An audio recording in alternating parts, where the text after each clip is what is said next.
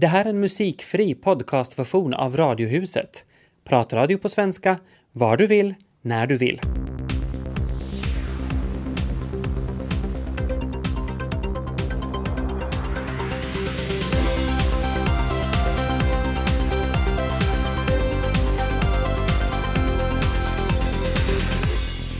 Tobias Larsson och jag, Peter Falun, säger hej och riktigt varmt välkomna till Radiohuset. Måndag i timmarna två. Piller hjälper ju mot mycket, det visste vi kanske redan sedan tidigare. Men brittiska forskare tror sig veta att de kan bita också på fördomar. Och eh, Jens Wallin är vår gäst idag. Han är verksamhetsledare för Vasaregionens idrottsakademi som står inför en hel del förändringar och störst av dem är strävan att Vasa ska bli bas för hela Svenskfinland. Verksamhetsledare Jens Wallin, välkommen. Tackar, tackar. Vad är Vasaregionens idrottsakademi? Ja, vad, vad är det? Idag, idag vet vi ju vad vi är, men vad vi är om fem eller tio år så, så återstår att se. Men att, men att idag är vi ett uh, samarbetsnätverk för, för läroinrättningar, idrottsföreningar, uh, grenförbund, uh, producenter av stödtjänster, idrottshallar och så vidare. Hur många ungdomar går här? För tillfället så, så är vi 221 idrottare då i åldern 15 upp till, till 32 år. Mm. Och vilka idrottsgrenar har ni på, på agendan? De idrottsgrenar som vi har gått in för att satsa på så är, är fotboll, ishockey och sen de individuella grenarna längdskidåkning, friidrott, orientering och, och simning. Och för vem är akademin öppen, alltså vem får komma hit? No, det, det är sådana som, som det här äh, satsar på att äh, nå en elit, elitkarriär och, och känner att de får ett, får ett mervärde av, av de här, den service som vi, som vi så att säga, säga ger. Och vad är den största nyttan av att, av att vara med här eller gå här? Vad är den för idrottarna? Ska jag säga att den, den absolut största nyttan så är ju nog, nog att du kan kombinera skolgången med, med idrotten. Det, det är den största. Att, eh, sen, sen naturligtvis viktigt med, med kvalitet i träningen, träningskompisar, stödtjänster. Det, det är mera som från fall till fall, till fall att, att vad, man, vad man så att säga, säga behöver, men att den här kombinationen mellan studier och, och idrott så, det är någonting som så gott som alla, alla behöver stöd i. Hur upplever du att ni har lyckats på, den här, på de här åren ni har varit igång? Det har varit en, eh, varit en ganska, ganska tuff resa från, från starten. Det är ju alltid, alltid tufft när man, när man bygger upp en organisation som från, från noll så att säga. Att det, det känner säkert vilken företagsledare eller, eller annan, annan ledare igen. igen och, och det, här, det största tycker jag nog ändå att vi har, vi har fått sammansvetsat aktörerna. I början var vi väldigt få som trodde på den här idén och, och, och var, orkade engagera oss. Men att nu, nu det här är vi, är vi väldigt många som, som så att säga brinner, brinner för de här elitidrottsfrågorna och, och det, det ser jag som, som väldigt positivt och, och det, det är en plattform för, för vidare utveckling. Ändå, hur ser du på den inhemska toppidrotten? För, för det verkar ju som om vi bara blir sämre i en internationell jämförelse. Jag tänker nu främst fotboll, skidor, friidrott, men också andra grenar. Ja, det, det, är tufft. Det är tufft på det globala planet och, och visst, visst är det så att vi, vi håller på att halka efter. Mm. Nu, nu gör, vi ju, gör vi ju det nu och, och där kan man ju också, också fråga sig att är det någonting som vi som vi i Finland eller i sam, det samhälle vi har här, att är det någonting som vi tycker är viktigt? Att ska vi, ska vi verkligen uh, satsa på det? Och, och det, det, är någonting som, som också har, har funderats kring och, och, och visst, eh, där har man ju på senaste kan jag säga, två åren mer och mer lyft upp, upp det, här, det här värdet i den här elitsatsningen ur, ur, ett, ur en individens perspektiv. Att, att bara det i sig så är någonting värdefullt att, att någon individ går in och, och, och satsar själ och hjärta för att, för att klara, sig, klara sig på internationell nivå, att, att det ska man också, också respektera. Mm. Dina egna ska vi säga, råd för, för hur vi ska bli bättre helt enkelt, mera konkurrenskraftiga? Jo, alltså här, det, här, det här är en jättestor stor fråga och, och det här arbetet har pågått i, i Finland nu egentligen sedan sen, 2009 eh, med Risto Nieminen som är, som är Veikkaus VD. Han ledde en arbetsgrupp som sedan småningom blev, blev till en förändringsgrupp och, och det, det arbetet tuffar nu, nu på framåt. Sen i ett med historiskt perspektiv så eh, är inte det här första reformen inom idrotten, att det här är någonting som har, har pågått eh, egentligen, ja vad jag känner till så sen, sen 40-talet, med jämna mellanrum så, så kommer det in nya, nya reformer och, och det beskriver kanske också den här problematiken som vi har i, har i Finland, att vi har ju väldigt unika föreningar, idrottsföreningar, med det här ideella arbetet och det, det är ju någonting som, som globalt sett är väldigt unikt. Mm, men då springer resten av världen om oss. Det, det är väl en svår fråga? Precis, precis så här att eh, man kan ställa sig frågan idag att lyckas föreningarna på det sätt som de är organiserade idag eh, skapa också internationell elit? De skapar kanske massan här, här hemma, men att få den där elitskiktet, att få det, det tycks vara, vara svårt.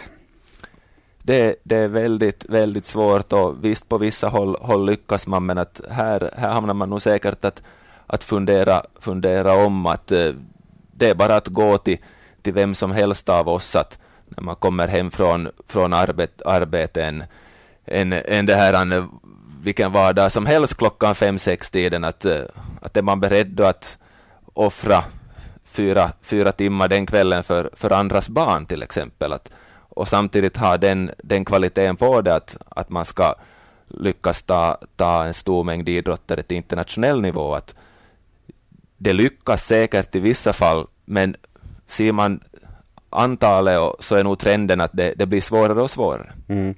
Det här är nog en för stor frå fråga för att vi ska kunna lösa den här och nu. Så vi, det är det säkert. Ja. Jag undrar istället att ni, ni hade äh, besök av elitidrottens förändringsgrupp äh, med Tapio Korjus i, i spetsen förra veckan. Vad fick ni ut av det här?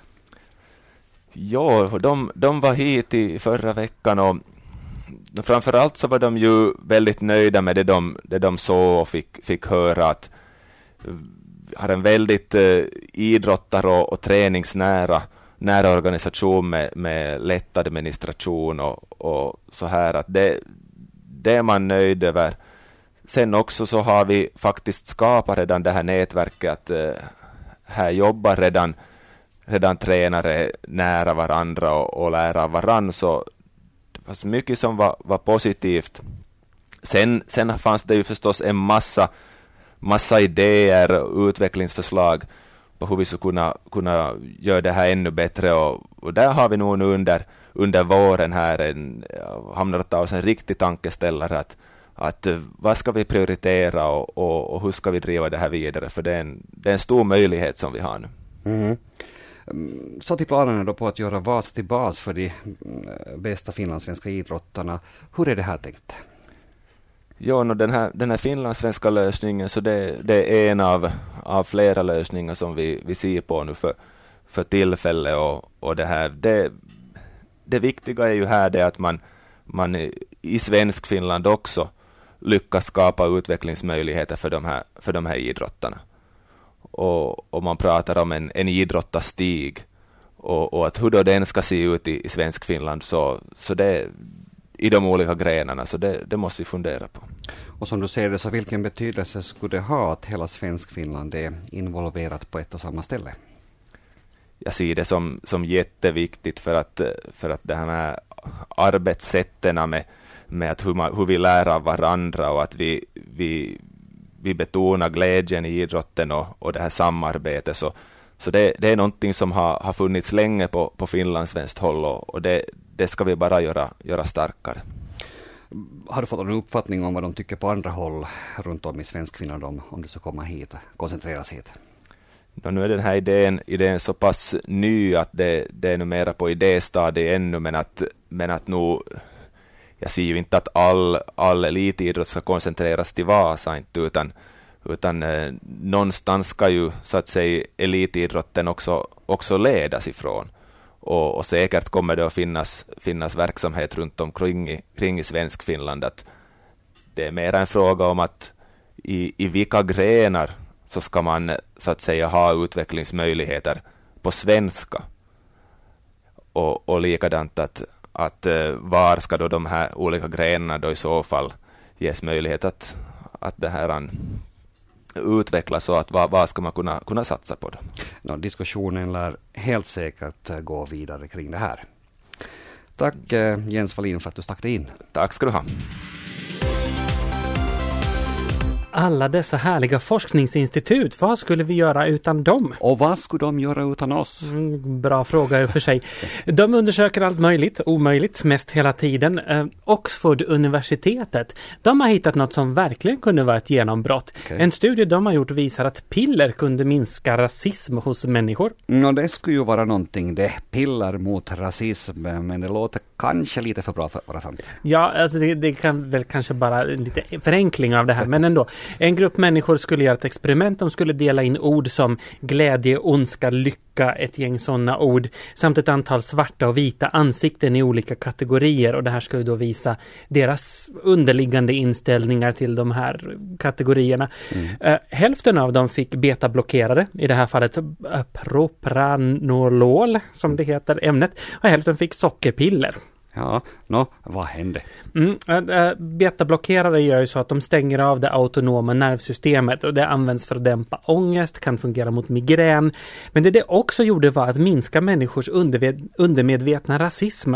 Nu är vi nyfikna, hur gick det där till? Mm, alltså, forskarna förklarade med att den undermedvetna rasismen ofta ligger på ett så diffust känsloplan, för det finns också hos människor som är helt för jämlikhet och tror på människors lika värde och sånt. Mm. De som fick betablockerare hade sorterat sina ord och ansikten mer rationellt, medan de med sockerpiller bevisligen låtit fördomar av olika slag kommit med i bedömningen. Okay. Andra forskare säger då att undersökningen är alldeles för liten och lätt för att man ska kunna dra några långtgående slutsatser av det här, men jag tycker att det känns jättehoppfullt. Mm, och kanske kan vi äntligen slå fast en gång för alla att rasism, främlingsfientlighet, xenofobi, sexism, rädsla för sexuella minoriteter och allt avvikande, det är i själva verket ett lättare sjukdomstillstånd som kan botas med piller. Mm. Årets bästa nyhet. Ja, solen den flödar ju över oss, våren är här och då börjar man ju så smått tänka på semestern i sommar. Mm. Det är en tid dit eh, det medger jag, men man vaknar ju till i alla fall lite grann från den här kärnvinterbubblan, den här horrortiden vi har levt i ett bra tag nu. Har du någon vårfeeling, Tobias? Jo, vars. Alltså här där vi, studiorna där vi är, man ser ju inte så jättemycket ut och man ser inte himlen och sånt. Men det droppar lite från taken, det ser jag. Och solen skiner åtminstone på ett par av de andra husen här i Böle. Så jo då, vår filisen börjar leta sig in här också. Ja, det är fina tider.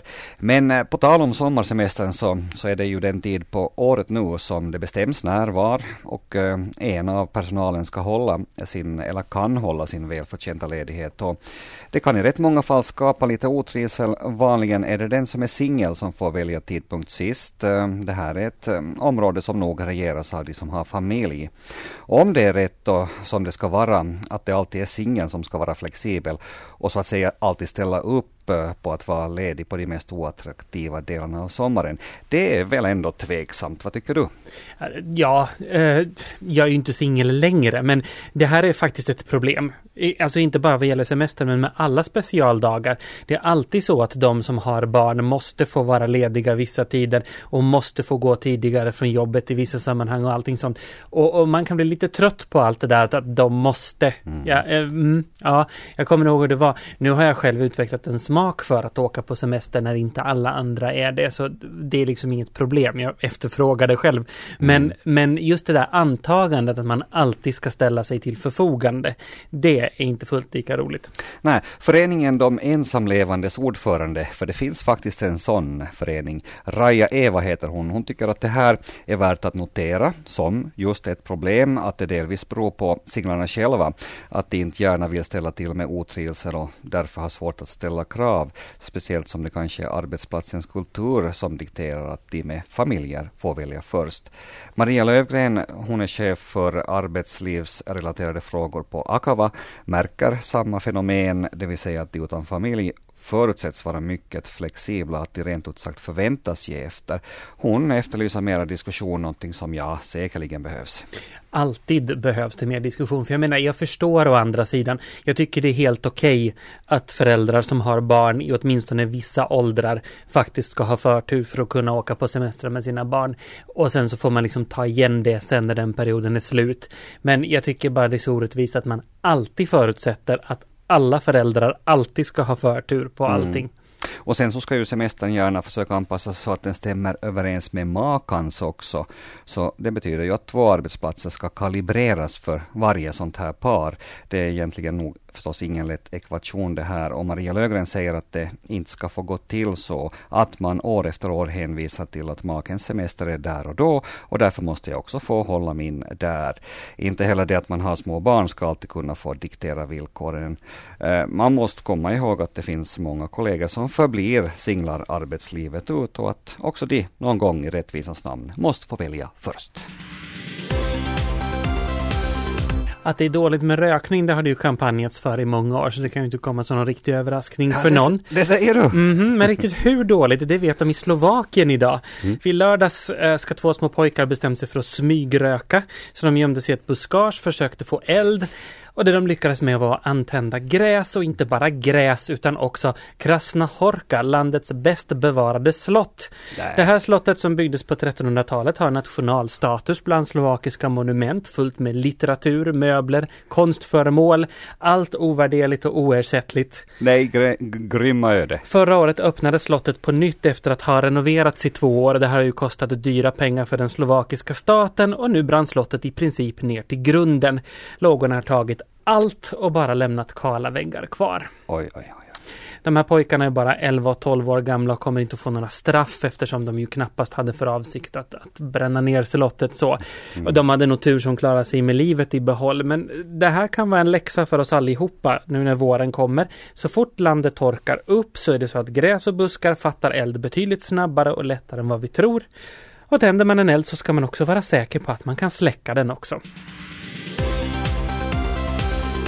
Vi har med oss på telefon livsstilsprofessor Maj-Lis Hellenius från Stockholm. Hallå, välkommen till Radiohuset. Tack så mycket. Eh, du har sagt i en intervju att du överväger att sluta prata om kost offentligt eftersom du har fått så negativa reaktioner. Vilken typ av negativ respons har du fått? Ja, det är allt ifrån uh, ilskna, ibland uh, till och med riktigt otrevliga mejl till ilskna kommentarer. Vad är det för budskap du har som retar upp folk?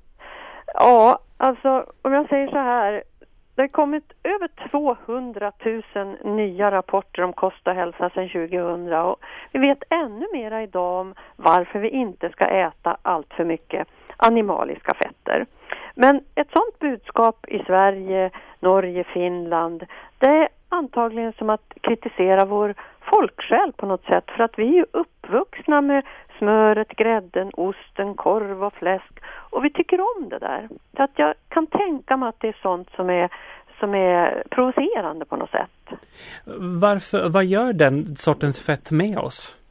Ja, alltså kunskapen om olika fetter den är mycket, mycket större idag än för bara 5-10 år sedan. Och vissa, inte alla, men vissa av de här mättade fettsyrorna som finns i smör då till exempel det är inte bara det att de höjer kolesterolnivån utan de är inflammationsframkallande, de, de påverkar var vi lägger fettet på kroppen, de hindrar insulinets effekter. De har en lång rad negativa hälsoeffekter om vi äter för mycket av dem. Men när du får den här negativa responsen, vad gör du med den? Ja, det är en bra fråga. Om man är pigg och inte är trött redan innan så så försöker man att bara svälja och bemöta det på något, eh, vad ska jag säga, förnuftigt eller korrekt sätt. Men det är klart att ibland så, så blir man ledsen eller arg, men även om man inte försöker visa det. Jag, samtidigt som jag försöker hålla huvudet kallt som vetenskapsman eller vetenskapskvinna så är jag ju människa jag också. Det är klart att man blir, blir ledsen och arg ibland. Men vi moderna människor, vi verkar ha ett eh, närmast konstant behov av dieter och kostråd idag. Varifrån kommer det här behovet? Ja, det där är en intressant och en bra fråga och jag tänker ofta att trots att kunskapen är så mycket mer omfattande idag så verkar det som att förvirringen har nästan ökat och eh, vårt behov av, av råd är stort. Ja, men det är svårt det här med mat. Vi äter många olika saker, vi äter flera gånger om dagen och det är starka trender när det handlar om mat. Vilket är det bästa kostråd du har att ge? Om man vill må riktigt bra? Ja, att eh, för det första att njuta av maten. För även om jag forskar på mat och hälsa så vill jag att mat ska stå för glädje och nöje och samvaro. Men jag skulle vilja säga så här, människan är allätare. Vi måste äta ganska mycket och varierat. Ska vi klara det så måste vi röra oss. Så mitt bästa kostråd är nog ett, rör dig mera. Var fettsmart. Strunta inte i fettet men välj de bra sorterna. Var kolhydratsmart. Strunta inte i kolhydraterna heller. Men välj det som är fiberrikt och frukt och grönt. Och så kan vi ta fram de små gamla tallrikarna igen som är lite mindre. Ungefär så. Vilka fetter skulle du rekommendera? Vilka fetter är bäst att välja? Ja, det är de fetterna som kroppen inte kan tillverka själv, som man brukar kalla på medicinarspråk för essentiella.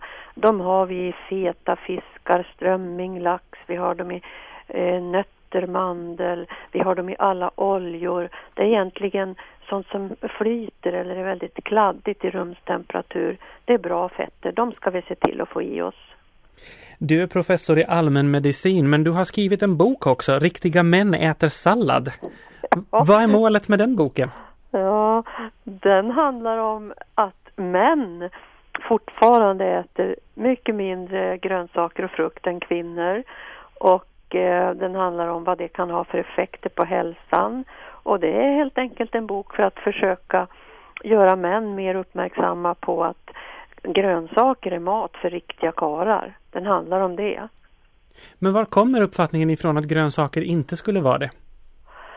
Ja, det har jag undrat mycket över och jag skriver lite kring det i, i boken också. Kanske har det också med vårt ursprung och traditioner att göra. Det fanns inte så mycket grönsaker förr i tiden i Norden. Jag menar, vi har inte kunnat odla dem. Idag så fraktar vi ju grönsakerna runt halva jordklotet. Och då var det på något sätt förknippat med manlighet och styrka att äta kött och fett och eh, det där sitter kvar. Gamla attityder så att säga. Och det tar lång tid att förändra attityder. Men du gör ett gott försök. Tack så mycket Maj-Lis Helenius på Karolinska institutet i, i Stockholm för att vi fick ringa upp dig. Tack så mycket.